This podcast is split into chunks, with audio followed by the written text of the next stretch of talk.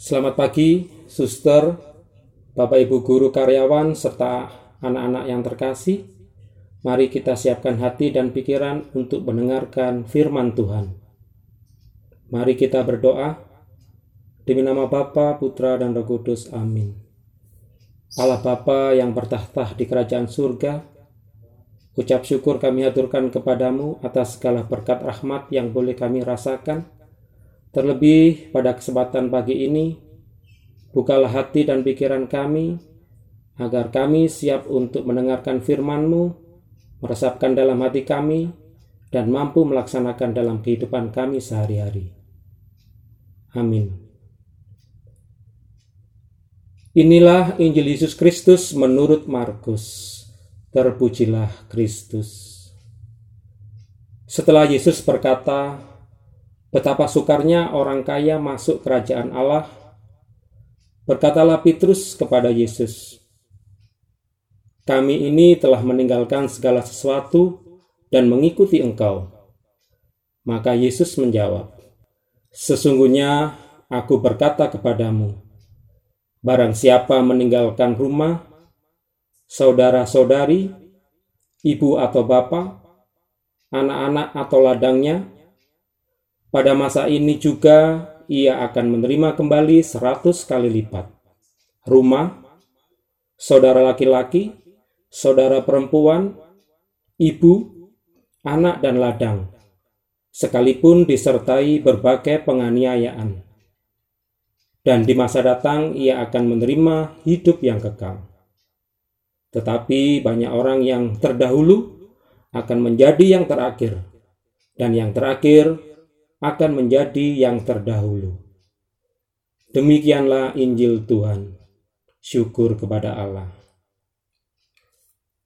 Suster, Bapak, Ibu, serta anak-anak yang terkasih, berikanlah kepada Yang Maha Tinggi perpadanan dengan apa yang Ia berikan kepadamu, dengan murah hati dan sesuai dengan hasil tanganmu. Seringkali karena kesibukan melayani dan membantu di dalam hidup menggereja, kita lupa akan tanggung jawab kita sebagai bagian dari keluarga atau bahkan sebagai kepala keluarga.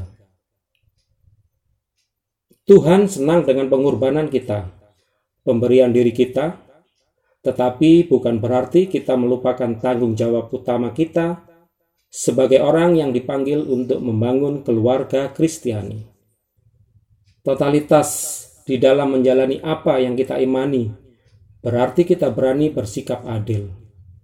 Tuhan hadir melalui hidup menggereja dan juga keluarga kita. Contoh sederhana sebagai seorang pelajar, tentu tanggung jawab kita adalah melaksanakan apa yang sudah ditugaskan oleh Bapak Ibu guru.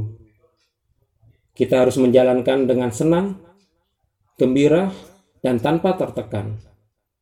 Tapi kadangkala kita sebagai pelajar juga kadang dengan cara-cara yang tidak layak kita mengerjakan tugas hanya untuk menyenangkan orang tua, menyenangkan Bapak Ibu guru tanpa melihat hal-hal yang harusnya patut kita kerjakan dengan pengorbanan. Anak-anak yang terkasih, kita juga diajak untuk menghidupi kasih dalam keluarga kita. Kita diajak untuk belajar berkurban dengan tulus. Apa yang disampaikan Yesus dalam Injil Markus mau mengingatkan kita bahwa hendaknya tantangan, kesulitan, cobaan di dalam pelayanan mempererat hubung menggereja kita. Beranikah kita memberikan diri secara total dalam hidup kita sehari-hari? Amin.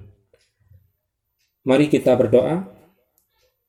Ya Bapa, kuatkanlah hati kami agar berani menjadi saksimu dengan tulus hati tanpa melupakan tanggung jawab utama kami sebagai seorang pribadi yang hidup dalam masyarakat, dalam keluarga, dan dalam hidup sekolah. Amin. Demi nama Bapa, Putra, dan Roh Kudus. Amin.